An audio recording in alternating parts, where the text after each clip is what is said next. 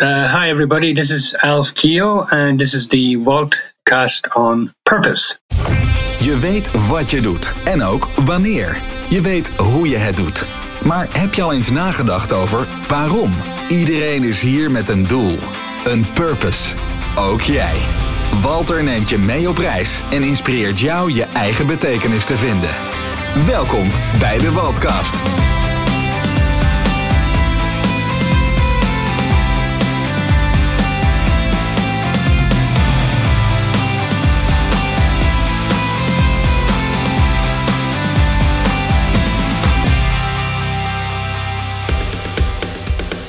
Welkom bij de nieuwste aflevering van de Wildcast on Purpose. Ditmaal een interview in het Engels. Ik interview Elf Keo. Elf is een internationaal spreker als het gaat over leiderschap, transformatie. Uh, veel gevraagd consultant, komt bij de grotere bedrijven op deze aarde uh, langs. Uh, en Elf heeft een boek geschreven. Een boek Onboard. En het boek gaat over um, hoe leuk het is om te starten met je werk, maar doe het dan wel op een goede manier. Dus hij heeft al zijn ervaring van de afgelopen jaren gebundeld in een boekje over hoe herken je je baas. Wat is de rol van geld? Um, hij heeft dat omkleed met een aantal mooie quotes. Het is een Ier, dus zo nu en dan um, komen er wat, uh, wat F-words uh, doorheen uh, het gesprek naar boven. Maar valt mee. Ik beloof je, het is een interessante kerel. Een leuk gesprek. En zijn boek Onboard is zeker een aanrader. Dus ik wens jou veel luisterplezier met Elf Keo. Okay, Elf, welcome uh, at the podcast on purpose. We know each other already for uh, quite some time. Uh, I've uh, I've seen you as the master of ceremonies during a big uh, leadership event where you were master of ceremony, but also the conductor of the orchestra. Um, and there's a lot more to tell. If people look at your uh, LinkedIn profile, they see that you're an author, you're a facilitator, you do events, you do teams, you do coaching, uh, you do keynotes. And I know that you've even done a marathon, uh, recently wrote a book, but maybe good, Elf, that you introduce yourself. Uh, good, Walter. Uh, thank you. And it's great to be here and it's great to talk to you again. And I guess next time we meet, we, we can do it in person. Um, yeah, I was born in Ireland. I've, I've lived in Germany uh, for a good many years. Um, my background is I, I, studied two reasonably different disciplines. Uh, I studied psychology in London. And then, you know, a good few years ago, I did a master's degree actually in something called information systems engineering, which was the forerunner of um, artificial intelligence. Um, mm-hmm. I worked for, for a short time in, in, in the field of, of software. Uh, and then, you know, I, I slowly realized it, it wasn't really something I wanted to spend the rest of my life doing.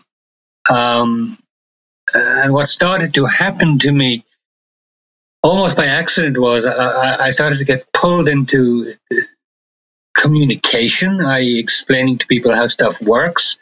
Uh, and then I, I, started to get, get more sucked into, into learning and development. Uh, and I, I, kind of realized, you know, not, not in a, flash of light, but at one point in my life, this is something I enjoy doing, and, and this is something that people tell me I'm, I'm reasonably good at. Uh, so I did that for, for a large organization for, for a number of years, and uh, I did pretty well at it.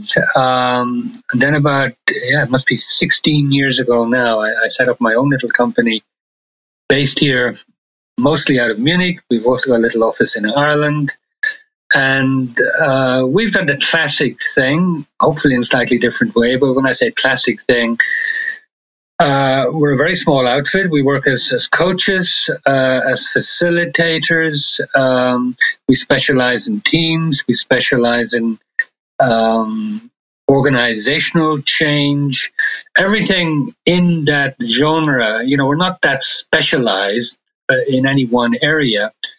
What we're specialized in is is really getting people uh, interested in and committed to both their own personal change and to changing the team and organization that they're in. Yeah.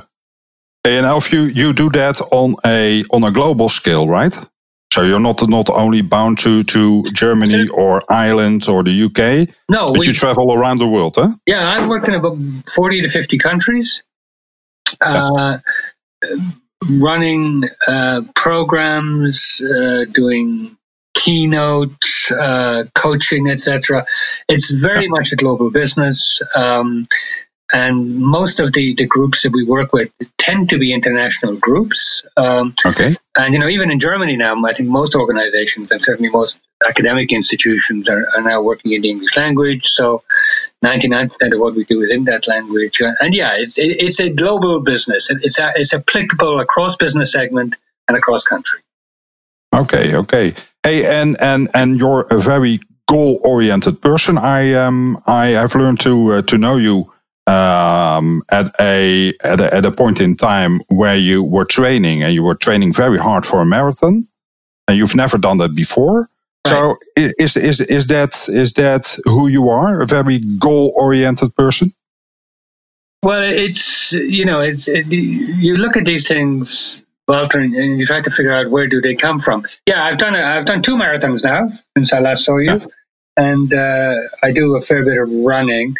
Um, I am goal oriented. I've always thought, you know, I, I left school very early and I, I got into work kind of late. And when I say work. I mean corporate work. I did all kinds of jobs corporate in work. my life.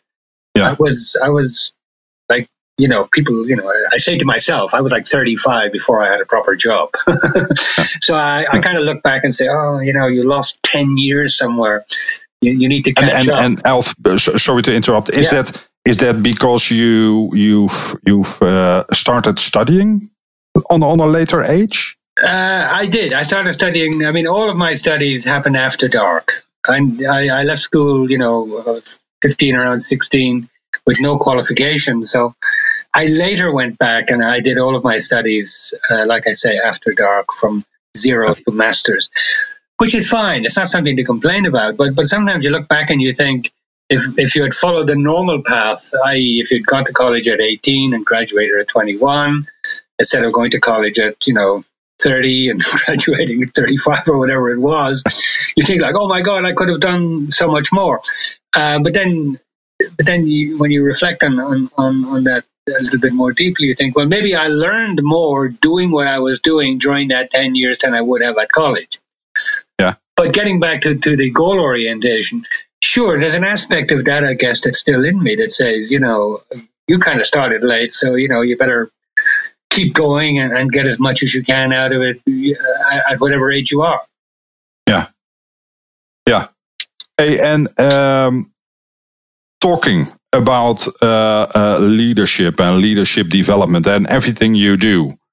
Um, how did you end it exactly up in, in, in that domain? Because you, you, you said earlier that you were interested in communication, that you were interested in group dynamics. What yeah. makes it so interesting for you to work that closely together uh, on, on, on the human issues in companies? Well, when you join a large organization, um, if you're anyway uh, let's put it this way, conscious to what's going on around you, you, you very quickly feel the, the, the nature of the leadership uh, and how the organization is run.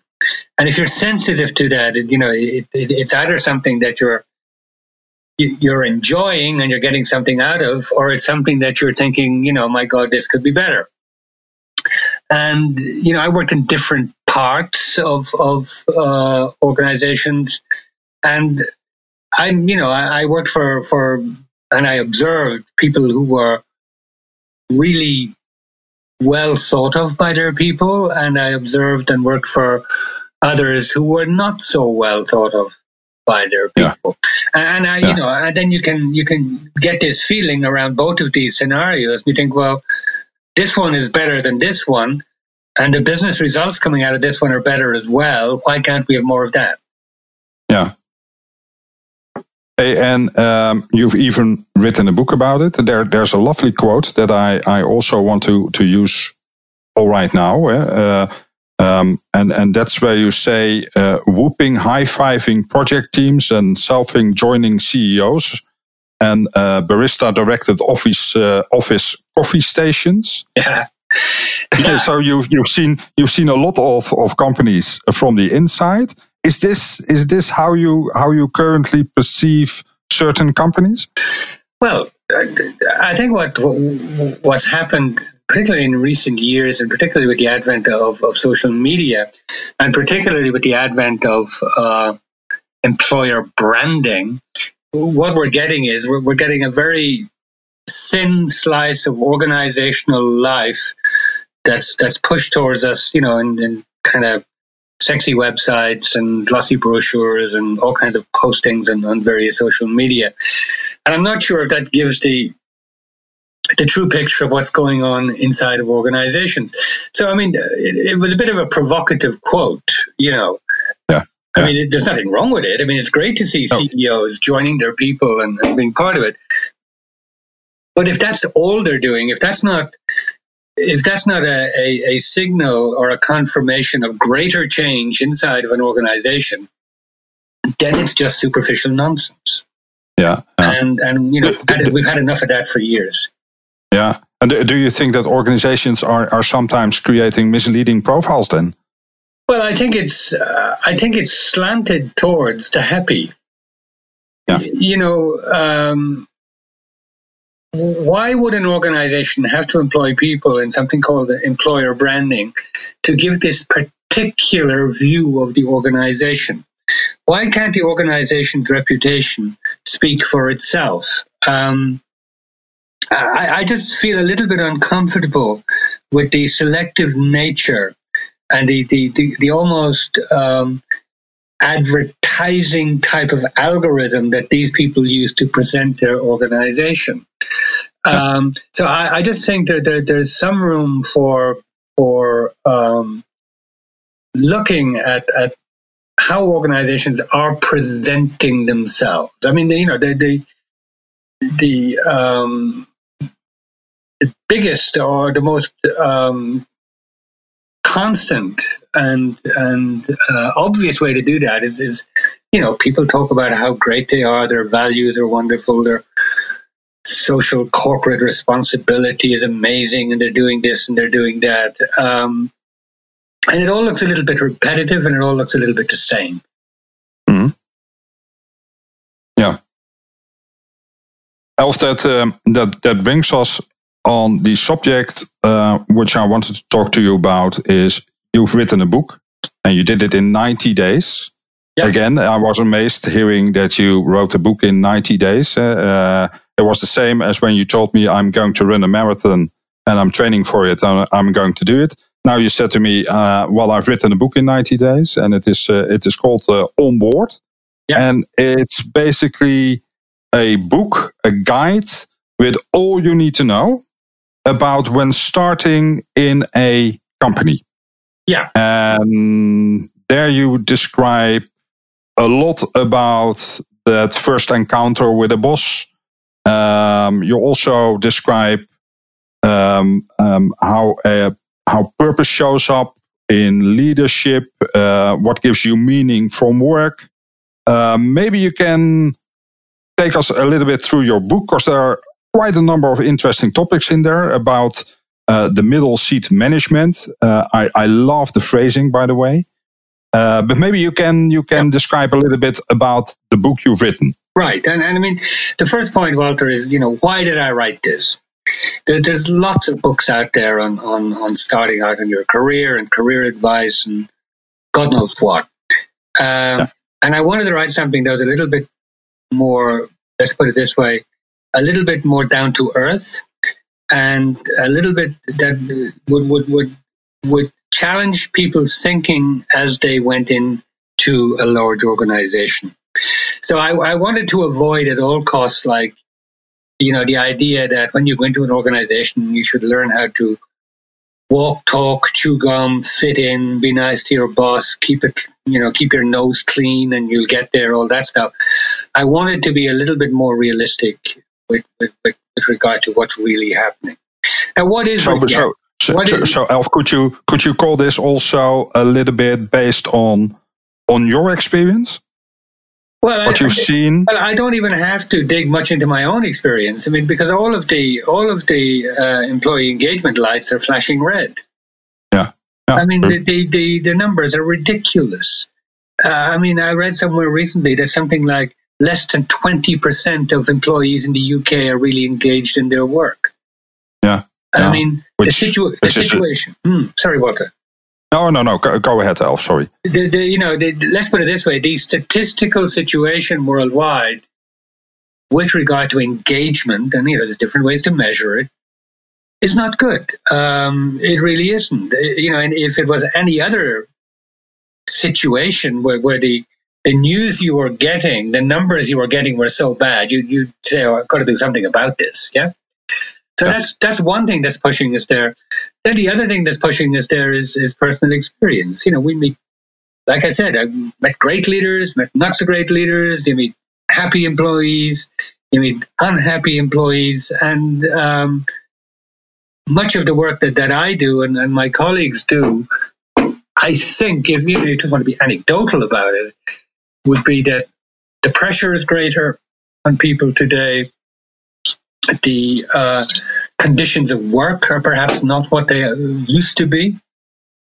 And the security at work is not what it used to be. Um, and I, think that's there. And then if you want to take that to a wider, a wider lens, you, you know, look in society, you know, the inequality in society today is, is greater than it's ever been. I don't want to go through all the numbers, but I don't know, something like 1% of the world's richest people own more than the bottom 50%. That kind of stuff is not sustainable and it's going to be reflected inside of organizations. And I just wanted to kind of, I don't want to say initiate that discussion, but provoke that discussion at a slightly deeper level. Yeah. So that's the thing okay. behind that. And, and, then, Walter, with the book, I wanted to be very practical. So I, I, I tried to I try to take some some aspects of organizational life that will will in in understanding it better will help people you know first of all you know choose the organization where they feel that they'll they'll be you know best. They'll i don't want to say fit in best but they feel they'll have a better chance. So you know i talk about bosses where they come from you know things that they say i try to go a little bit from a, a philosophical introduction in each chapter to a very practical, you know, if your boss says this, if he or she does this, well, then you need to really think, do you need to be there, et cetera, et cetera. And we look at a whole yeah, yeah. variety of, yeah. of tips and tricks, you know, so it's not all philosophical. There's, there's a very practical ending to each chapter. Yeah. Hey, and, and you've written the book for which audience? Well, it's it's it's. Uh, I mean, it's it's primarily aimed at people, you know, starting out. Um, but what I hear is people say to me, "Oh, it's quite useful for for for managers who are out there because what they're getting is a is a reverse mirror view of of of what other people might be thinking." Mm-hmm. So. Yeah. I, I I hope that it'll go beyond the, the target group is which would be younger people starting out, uh, I would hope that that you know more experienced managers would read it as well. Yeah, yeah. Yeah, because because that is an interesting one. Eh? Your your audience group as as being the starters in a environment, a working environment, um, as as being your audience. If you read a book, it's it's it's it's very reflective, as you you say to yourself as well, uh, operating within that in the in within a specific environment. Yeah, it's funny. I, I had somebody, I was talking to somebody yesterday, and he said to me, uh, Oh, God, you know, you say that, you know, um, my door is always open is a favorite phrase of many managers. And I've been saying it for years. Mm-hmm. And now I'm thinking, oh my God, you know what? yeah, after after you read your book, yeah, and after you read your book, and then you're you're not allowed to use it anymore. well, you know, you know, it's like, well, I mean, it, you know, it's it's it's in many ways it's a positive phrase. Yeah. But in other ways, what what it, it does is it, it it's kind of an abdication of responsibility. You know, if if I say to you, my door is is, is always open, Walter, and you're my employee, what I'm saying is the problem is yours. You better come to me. Yeah, yeah. When I should be be be much more proactive. I, I should be much more uh, embracing of the, the the conflicts and problems and and you know um, uh, challenges that people are facing. What I'm doing is by saying that is I'm almost excluding myself into my own office. You know, all my door is always open, by the way. Uh, and I, I just, I, I, always found that, that saying to be a little bit, well, more than superficial. Uh, yeah, yeah. And not, it doesn't give people confidence. You know what I mean? No. No, it's, it's, it's the same as, as, as you say about is your boss in the business or is he on the business? Right, and that's that's a great phrase from from one of the you know my favorite author in business, a guy called Michael Gerber, who wrote the E Myth um, E Myth series. You know, one of the great thinkers. Uh, he, he, originally set out to look at small business, and he's written a series of wonderful books. And this is Michael Gerber's phrase, and I just think it's it's a wonderful uh, articulation of what it means to become a manager you know, we all start out as software engineers or, or, or you know, specialists in IT or, whatever it might be. And someday somebody taps us on the, on the shoulder and say, would you like to be the team leader? Mm-hmm. Would you like to be a manager? And what people don't realize is that your, your job description is changing completely from working in the business, i.e., dealing with the everyday challenges of your function, to working yeah. on the business, i.e., constructing the context for other people to succeed. And, and so yeah. many managers don't understand that. But, but you know, Gerber's genius was to, to, to capture that in one phrase. And it, it's something uh-huh. that it really makes people think. Yeah. Hey, and Alph, you you also describe when you're entering a corporate environment and you have beautiful uh, credentials, you have a master's degree in whatever, that when you start in a working environment, that degree that you have, that beautiful resume, um, s- still makes sense, but it is not leading you in your position at work. Um, so, so I've read something about fuck the degree because uh, you need to prove yourself all over again. Well, yeah, I mean, it, you know, and I, I, I think we people need to to, to to really be thoughtful about this. You know, you go to college, you might come out with a PhD. It's a huge amount of work. You'll know something. You'll, you'll know something about a small slice of life. You know more about that than practically anybody else on the planet. But you go into an organization, and quite honestly, nobody cares. You know, nobody cares you know, you don't get any plaudits for showing up with, with your PhD or your master's or whatever, even though we, we inside of us, we feel like we deserve it, yeah, yeah. which is fine. Uh, so I, I, just want to warn people that it doesn't matter what your credentials are. Um, when you, when you work for money inside yeah. of an organization, you know, your job is to create value. Uh, and don't get stranded in the notion that you know I'm the best qualified person around here, and therefore you know people should respect me, etc. That really doesn't matter. Uh, it matters in the sense of your knowledge, etc., etc., etc. But with regard to your attitude of, of, of getting stuff done at work, uh, it, it, can be to some people detrimental. You know, I have met some people myself who, who kind of expressed amazement that they weren't getting more respect because of their their their, their wonderful qualifications. Uh, unfortunately, it doesn't work like that. No, no. Hey, and and uh, probably um, you're one of the first quoting a, uh, a Liverpool uh, uh, uh football manager, Jurgen Klopp, eh? to yeah. say it's better to learn the lesson during the game than Uh, talk about it afterwards. Yeah, Why did you I, use that in your in your book? Yeah, I mean, I, I just think it's a great phrase. I just think, you know, this this was off the cuff from Klopp. He's sitting there, you know, doing an interview after a game, and some reporter asks him a question. He comes out with this, you know, we learn as we go. You know, yeah. we don't have to we don't have to hold a seminar afterwards. I, I just think it's a wonderful notion, and and the idea of of of teams today. You, you know, I, I looked at sport. If you look at sport, the advancement of science in sport is astonishing.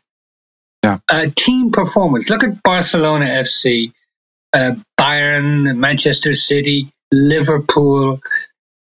The the approach they have to team performance is is, I mean, it's astonishing. It's like science fiction. Yeah. Now, I look at organizations and I look at what have organizations learned about teams in the last, you know, 50 years? I mean, I can walk into an organization tomorrow and I, I, can work in, you know, a big organization, different departments, and every department I go to will have a different way of approaching how they work with their teams. And, and you know, teams are the, the, the value creating unit of every organization. And, and often, you know, dumbfounded that, that CEOs don't pay more interest in the frontline application of getting work done. Uh, you know, the, the, the, the, tip of the spear are the people out there working, whatever they're doing.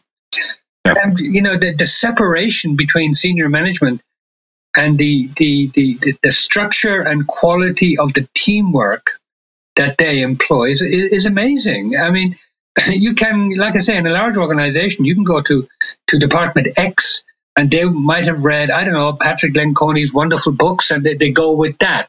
And somebody else might have read somebody else's book and they want to go with that. Now, I think if we paid more attention and if, if, if, if CEOs and top management uh, thought about it a little bit more, and, and, and came closer to the front line with regard to how they structured their work, um, they could find something that, that's reasonably optimal for them. And I think in the book I mentioned that, you know, Google have started to look at this. Um, and they started to look at how their best teams function. Yeah, they uh, don't only analyze the outside world, but also their inside world. They do, uh, and, and, they're applying data and they're applying, you know, science to, to, to getting this stuff done. And if there's a really, if there is a best way to do it, maybe there's not. I mean, there'll always be variations. Well, then they want to find it. Other organizations are not in the slightest bit interested that you know, if you know, talk go back to Jurgen Klopp. Where is Jurgen Klopp when his team is performing? He's on the bloody touchline. He's there, right? you know, um, you ask most CEOs about what's your team strategy. They would kind of look at you like, uh, "What do you mean?" Um, so I, I just feel that that I think we're going to have teams as being the main work units in most organizations for, for a long time to come. And I just think we need to we need to shorten the space between between senior management uh, and the frontline t- teams, and then we need to really take some lessons from sport and start to uh, uh start applying more data, more analytics, uh, along with all of the other good stuff. You know, I always talk about two things in teams: spirit and structure. You have to have both. You can't just have one or the other. Uh, and I, I, think if there's a mistake made these days, you know, most organizations want to spend money on, on spirit. You know, let's go and make sure everybody has a great two day uh, team workshop. And, and, they really don't have enough structure built in mm-hmm. to, to, to, how yeah. the teams function. Um, does, does that does does that also have a lot to do with uh, uh being authentic? Well, I think you know, authentic um, applies as, as, as an organization, eh? not not as not as a boss or or an employee, but as an organization. Well, uh, you know, authenticity. This notion of of, of being real and not simply being um, somebody who occupies a a role uh, is important in all aspects. You know, I think the more, more the more authentic this the senior group are, uh, the more of this kind of stuff will be considered. Um, mm-hmm. So yeah, there, you know, authenticity and and honesty and, and having people who who, who are um, prepared to, to, to, to, to listen and have an interchange with, with all levels of the organization, you know, it, it, that's that's part of pretty much all success. Yeah, the purpose-driven organization. Well, I mean, you know, purpose is is um, another word that, that's floating around out there. and you know, sometimes it's it's it's it's seen as the answer to everything. Yeah. You know, get your purpose, and you know, life is going to be great, and blah blah blah. Um, well, it's not. Um, and there's different theories of this. Um, there's different, you know, purpose as opposed to what. Uh, for years, we organizations, you know, led by so-called mission, vision, and values. Yeah. Now, I would say the values thing has been a bit of a disaster. In fact, I and, and why is that, Alph? Why, well, why is why is because, the values thing a bit of a disaster? Because uh, I don't think most managers really understand this very vague word that comes from anthropology. You know, values. Um, everybody's got them. They all look the same. Um, but when you get inside of organizations and hear people um, talk about them, there is a great disconnect to um, to the reality of everybody's daily life. Mm-hmm. And I do dig. Uh, I mean, I don't want to mention names here, but I do look at a couple of companies in the book um, where they had, you know, sets of values. Uh, I mean, the banking industry, Walter, was was of course famous for this. you know, one famous bank after the uh, after the 2008 financial catastrophe outlined 13 values for their people yeah. to follow. Yeah. And how the hell can you? Who, who can remember 13 values? Yeah. What does it mean? Um, I don't know. Uh, I mean, if I see integrity written on a piece of paper or a plastic card once more, I think I'm going to be sick.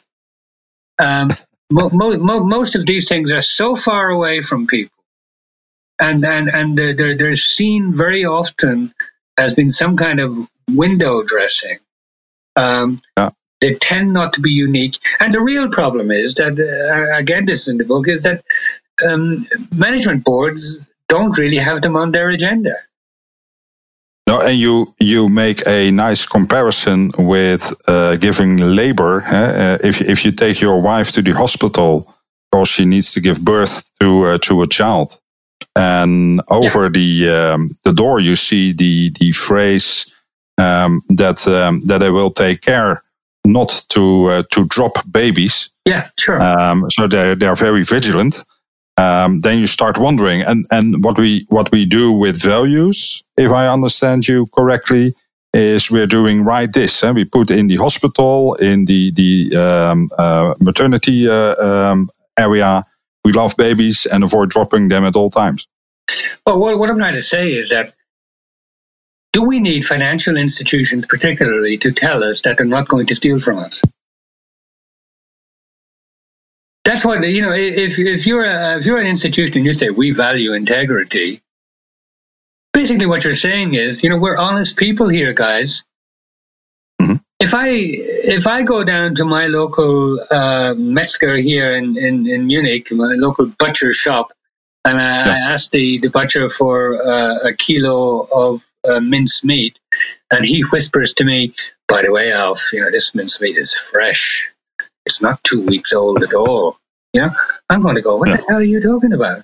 Uh, I mean, look, I'm exaggerating this, but but but you know, if we hear this repetition, the, the massive overlap of so-called values between organizations, you know, everybody talks about innovation. Well, what the hell does that mean?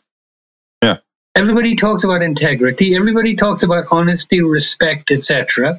The more of this we see, the more employee engagement is going down. Mm-hmm. So, you know, how do we how do we start to cut through this? Well, what's what's what what has become um, certainly popular in recent years is the idea of purpose. So people are saying, well, you know, values are great and everything, but let's kind of let's get it all together inside of this um, this notion of of purpose and if, if we if we get our, our purpose right, well then, you know, things are going to be good. Yeah.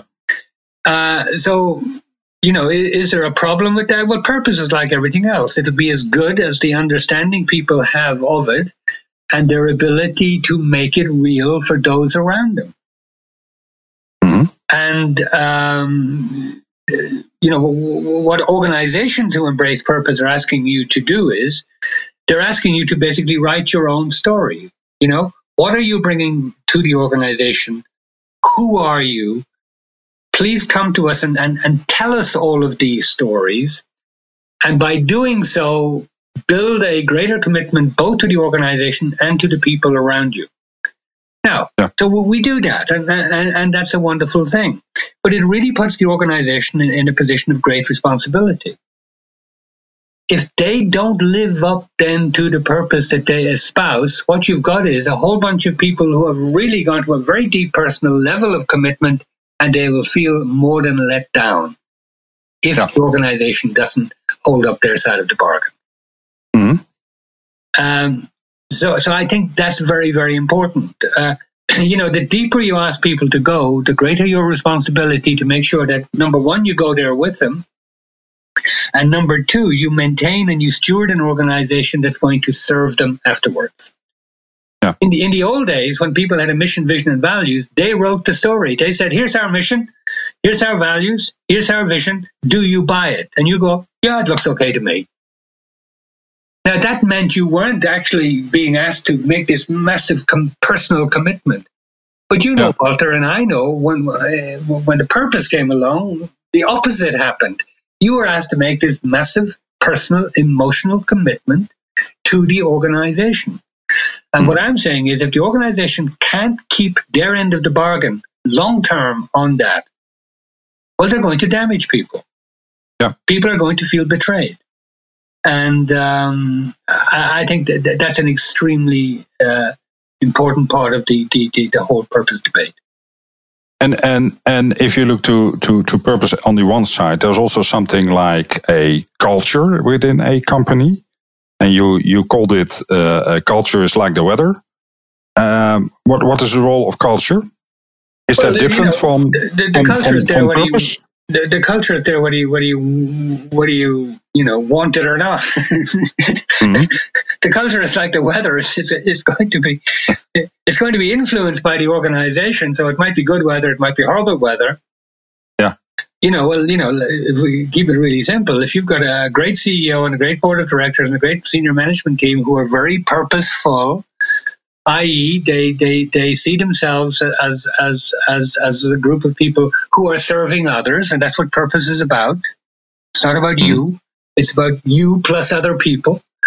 Um, and if if you look at the the, the, the definition of uh, uh, a guy called Dr. William Damon, uh, I use in the book, you know, it's it, you know, purpose is not a fluffy thing. It's it, it's it's about really um, your effect outside of yourself. Um, and if you have that kind of organization, that kind of leadership, then you're going to have a great culture. Yeah. If you don't, yeah. you're not going to have a great culture. Um, Hey, Alfie, we are living in, in, in special times currently yeah, with the corona crisis all around us. Um, how will that influence the transformation within within companies? Will will something change and transform? Well, I, am you know every time is a special time. Um, you know, it's it's not World War Three. Um, uh, will it have a long term effect in how we treat each other? I think organizations will follow society. Um, and I think if, if society to some extent gets redefined by what's going on today, then organizations will have to follow suit. Yeah. If, if, if society does not get redefined, if we go back to the same old way, I think I mentioned earlier, 1% of the people in the world owning whatever it is, 40% of the wealth, well, then that's going to be replicated inside of organizations. I mean, no.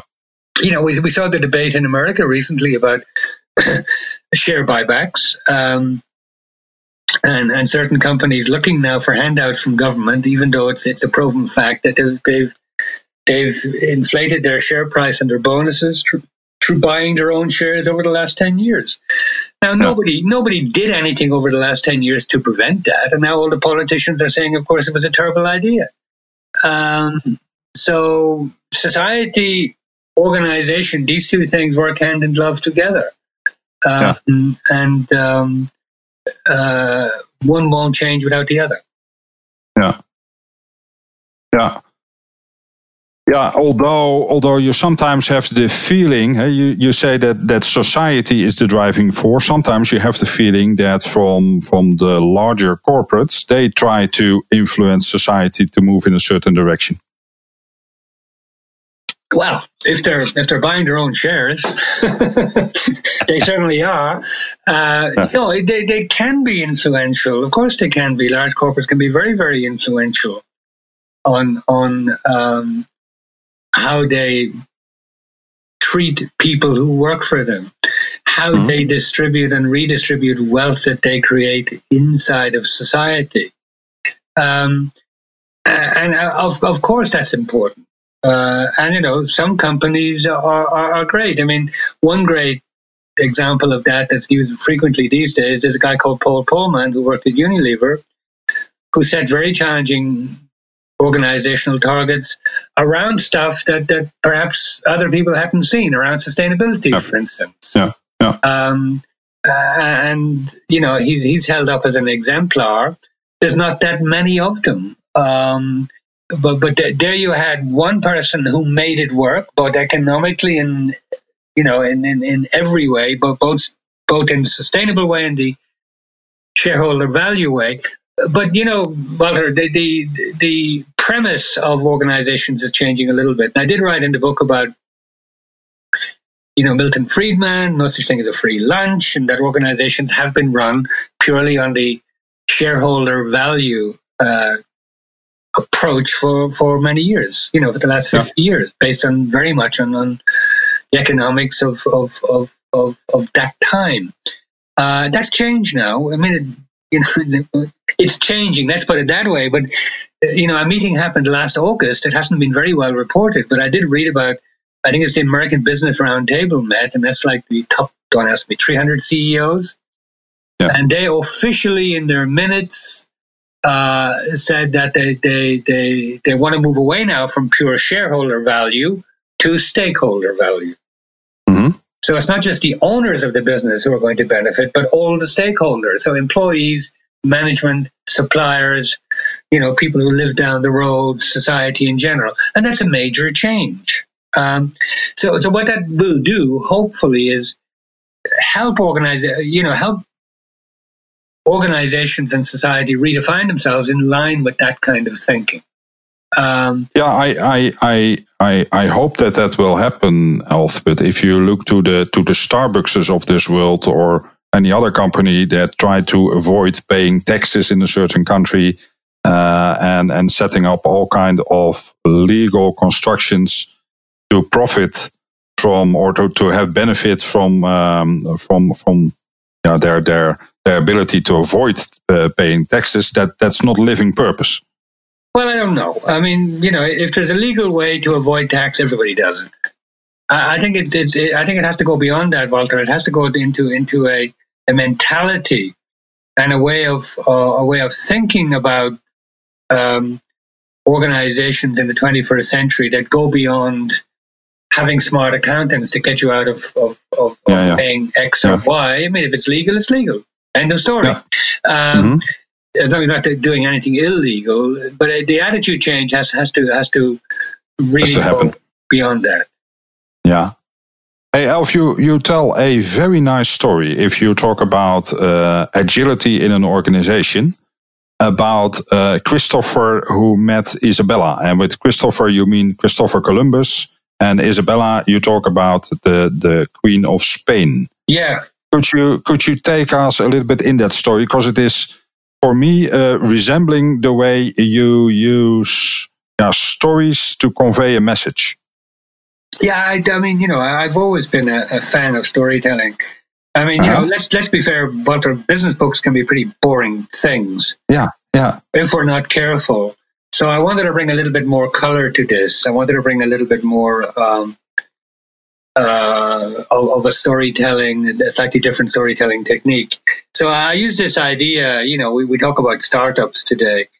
Um, and of course, you know, Columbus had a bit of a startup, um, and he wanted to go somewhere, and he wanted he wanted to get something done, and he needed financing, and uh, he got it, and, and off he went, and he was away for whatever it was, eleven weeks uh, uh, and, and you know his his sponsor, his angel investor, couldn't contact him. And I just I found it interesting. Like, what might she have said to him when he came back? You know, if you're an investor, you're looking at your investment today, Walter. You know, some tech startup. You know, how are we doing? Yeah. You, you know, you can be on the person's back all day and night or whatever. But in those days, you had no choice. You know, okay, we'll pay for your ship or whatever. Off you go. So you know, Columbus comes back. I think he pulls into somewhere near Lisbon, and you know, she he must have went to see her, and she, you know, couldn't call her. Mm-hmm. And she said, "Well, how did it go, Christopher?" And he probably said, "Well, not bad, pretty good. We found this place. wasn't the place we expected." So what I'm saying is, what I'm trying to say is, you know, how many employees have the experience of their managers saying to them, you know, yeah, sure, great, that, that there's your project, off you go. And then coming back, you know, sometime later, and the question you get is, how did it go? And, the question, you know, the answer is not not much, not many. that most managers today have all the means they need to, to kind of, you know, pester you or or check up on you or harass you, or whatever you want to put it, and you know, where are you? You know, how's it going? Uh, and I just find it uh, kind of an interesting analogy. How do we build this ocean of space between people? And you know, what what organizational structures um, uh, might enable that? And I like I, I found this quote at the beginning, which accidentally fitted into the Columbus Isabella story. It's from Peter Senge, and he says it very nicely. He says, "The neglected leadership role is the designer of the ship." Yeah, I thought that's nice.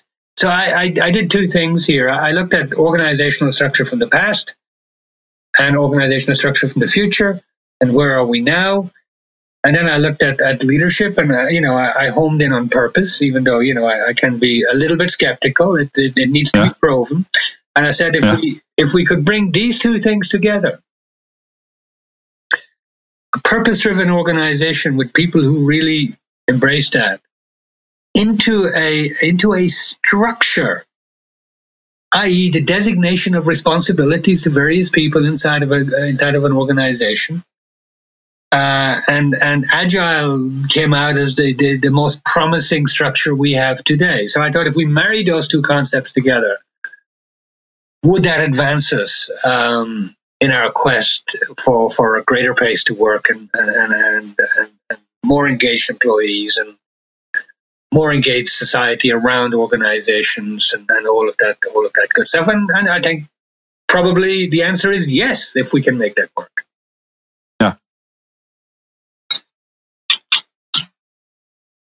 Alph, how do you how do you stay healthy in an organization? Because there there's something uh, said that um, the person you report to is more important than your family doctor. And why why is that? Uh, you know, there's an awful lot of talk about stress, Walter, these days. There's an awful lot of talk about passion. There's an awful lot of talk about um, emotions in organizations, mental health, everything, and it's all good. Um, it's time we got there. You know, we all know that, that I've worked extensively in the renewable energy business, you know, offshore teams, uh, guys building, you know, massive wind farms around the world, power stations, all that. And, you know, these guys have been fantastic in, in coming up with, with wonderful ways to, to protect, you know, health and safety. Uh, and it's brilliantly organized uh, from both an equipment perspective and a leadership perspective. And, you know, we owe those people a lot. Uh, of course, what's, what's less obvious is, is mental health. Um, yeah.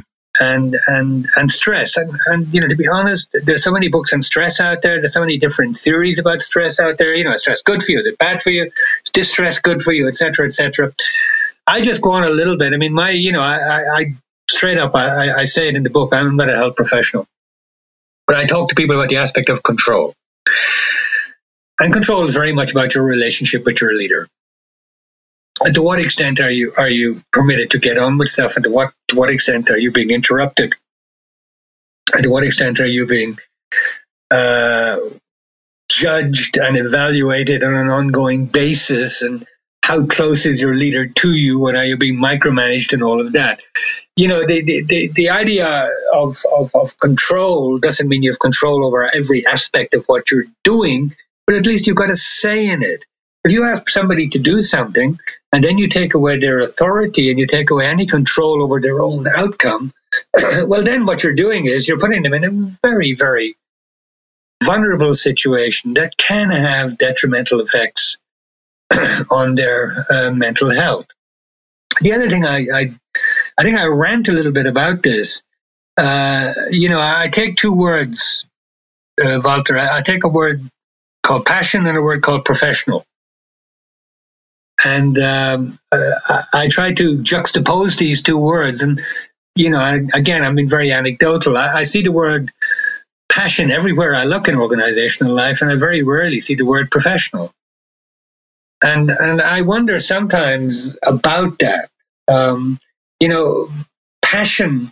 Again, it's this idea when we go back to purpose is about you're meant to be giving something very deeply for you from from yourself. You're meant to be investing something that yeah. that, that you own that makes you vulnerable uh, in front of others, i.e., passion, uh, and and you know how well are we managing that?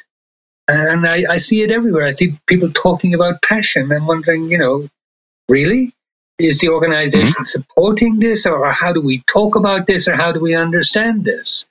Yeah. Um, I mean, I ask a pretty stupid question in the book. And the question is Would you rather be arrested by a passionate police officer or a professional police officer? and if you look at New York City's NYPD police force, on the side of their cars, there's something written mm-hmm. courtesy, professionalism, respect. No mention of passion.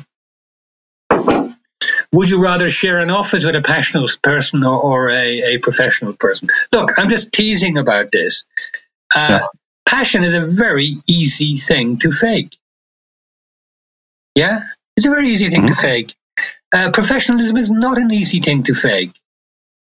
Um, do I want a passionate banker or do I want a professional banker?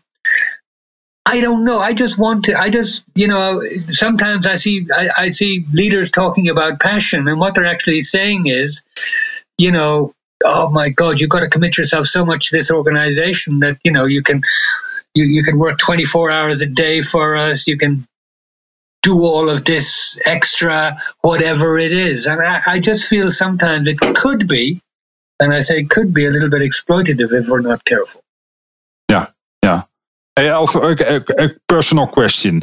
So you wrote a book in 90 days yeah. with nine chapters. Yeah. How many chapters could you could you have written? Well, because there's a lot uh, there's there's a lot to tell about the subject. Yeah, I mean, you, you don't. I mean, this is basically, you know, it's it's a primer. It, it, it's meant to to um, initiate conversations. Um, and I mean, yeah, I, I I'm not somebody who really wants to do surveys and really wants to collect data. I'm much more raw than that. Uh, I'm mm-hmm. somebody mm-hmm. who, who wants to to uh, challenge orthodoxy in many ways. And yeah. you know, if everybody's talking about passion, my immediate my immediate response is, okay, let me find out how bad this might be. Yeah, yeah. it's not to join in. I, am not a joiner inner. I, I, I, tend to be somebody who's like, I, I, take the opposite perspective. Or how can we make it better? Um, you know, let's not over talk stuff. Uh, let's not um, let's not blow stuff up out of all proportion. Uh, any aspect of organizational life, and and and let's become more. You know, I think I write in the book that great organizations don't need to talk like this. They're modest. They're reserved. They're you know they're professional. And of course, you know, just because you're professional doesn't mean you can't be passionate. Of course, you can be about what you do, but it's not a competition. You know, sometimes I get this this kind of notion like, you know, we're more passionate than you, which is you know ridiculous concept. Um, yeah. So yeah, I drifted off a little bit of from from the health, safety, and and um, and um, uh, at work thing. I mean, the, the final chapter of the book I mean, the the um, you know, I, I think that the, the the bottom line there is that you know the, the real stuff never changes. I mean, I, I talk about uh, a guy called Studs Terkel. Now, Studs Terkel was an American. Basically, he was a social historian, uh, an oral historian. So you know, he used to interview people. You know, we're talking like friggin' sixty years ago. And he, you know, he wrote a book called Work. So he'd go around and ask people about work. And you know, since then we've had all kinds of research, and nothing's changed. You know what I mean? It's about, uh, you know, it's always about meaning, achievement, accomplishment, doing something to help other people. And you know, I think probably the best quote in in the book is that you know you know, Studs Terkel many moons ago, before Daniel Pink or anybody else told us about motivation or anybody told us about meaning or all the rest of it. Uh, he wrote, um, working was about a search for daily meaning as well as daily bread, for recognition as well as cash, for astonishment rather than torpor. Funny word that. Boredom. Uh, in short, uh, for a sort of life rather than a Monday through Friday sort of dying. I mean, in that, he says everything. You know, there's, there's, there's, very little left. All of the research we've had since is simply a confirmation of that. That, that, that work should be challenging, should be meaningful, should be honest, and should have a positive effect on the lives of other people.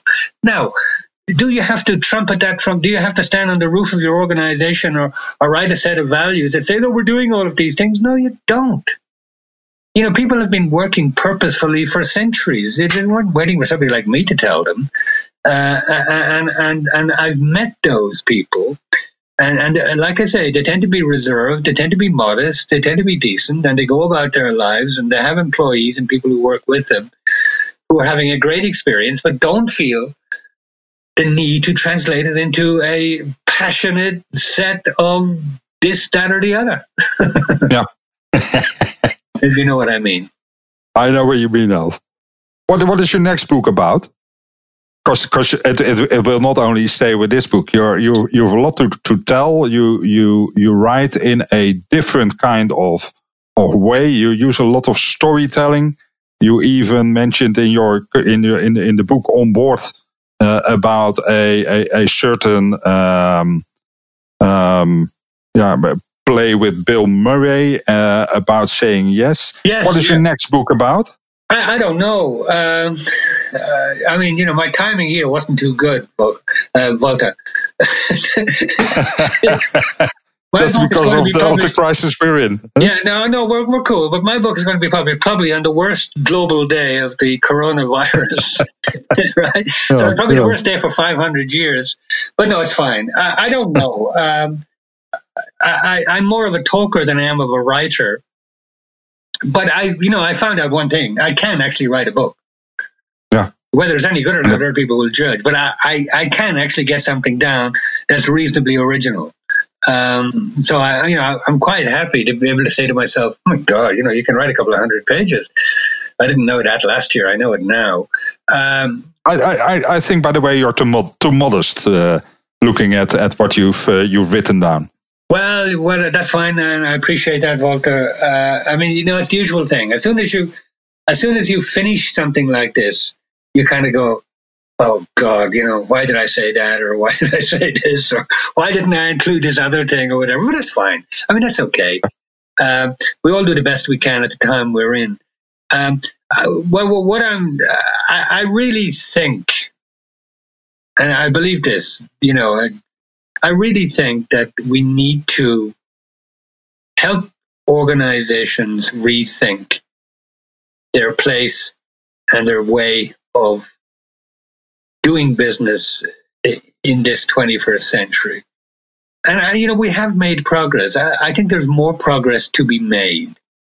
And I mean, that's something I'll be, I'll be doing over the next few years when, when we get back to something like normality. You know, I, I it's kind of, when I hear, you know, the banks and other people saying, oh, we, we need more culture change and we need more this, that, and the other, I think fine, but, but we need to be much more pragmatic. Um, with regard, you know, change has become a throwaway word uh, in organizations. It's, that uh, again is is a a word that's kind of oh you know we can solve all our problems with our next change program. Um, no, we can't. Uh, I mean, the real question is, can we breed a new I don't say new form, but a, but uh, a, uh, uh, a, group of a new leadership cadre that's coming through who've really got a very different approach and a very different mentality about what they want out of their own lives and what they want out of organizations uh, and how that's going to work. And, and I, I you know, I, I, believe writing this book for, for people starting out would be an attempt by me to kind of, I don't want to say kickstart that, but, but, but perhaps, you know, promote that a little bit more. Yeah, yeah, and, and maybe maybe we've also heard now the title of your second book. What's that? Elf, what is your is your purpose uh, for for yourself? Uh, what is your what is I, your your your driver? I uh, my professional purpose is, is I, I, make what's important interesting. I think we've we've always known what's been important. Um, we haven't always communicated it properly. If we go back to Studs Terkel, you know the guy I quoted a little while ago, you know, he's no different to any of the great philosophical thinkers over the ages. We've always known what was important. Now, how do we make that interesting to people instead of boring to people? You know, our educational structure is everything. How do we make these things more, um, not just practical, but, but, but, but exciting and interesting? And how do we convince people and persuade people that, that that what we're talking about here, and you know, you use the word purpose, and I think you know, and I use the word purpose as well as part of this. That, that this is is is the way to go. Yeah. That there is something there. How can we do that in a convincing, interesting way that people will say, "Okay, I get it." You know, the, the job of, of, of writers is to convince people there is a better way. The job of, of, of corporate learning is to convince people there's a better way. Uh, the, the job of leadership is to construct organizations where that better way will have a container that facilitates its success and not prevents it. Yep. Uh, so th- that's where I see the, the role of, of, of, books and podcasts and everything else to help people genuinely get there, not just superficially get there, but genuinely get there. And if we can do that, uh, I think we've done something very, very useful indeed. Alph, I would like to thank you for participating in the podcast. I, I again loved the book and I loved this conversation. I love your insights. I'm a fan. Um, so thank you for being uh, my guest. Thank you, Walter. It was, it was a pleasure. And uh, I hope to see you when this all dies down very soon in, in Amsterdam. Yeah, then we do it uh, in real life rather than uh, doing it via then the we can make a movie. that would be great. That would be great. Okay. Thanks, Alph. Thank you, Walter. Take care. Talk soon.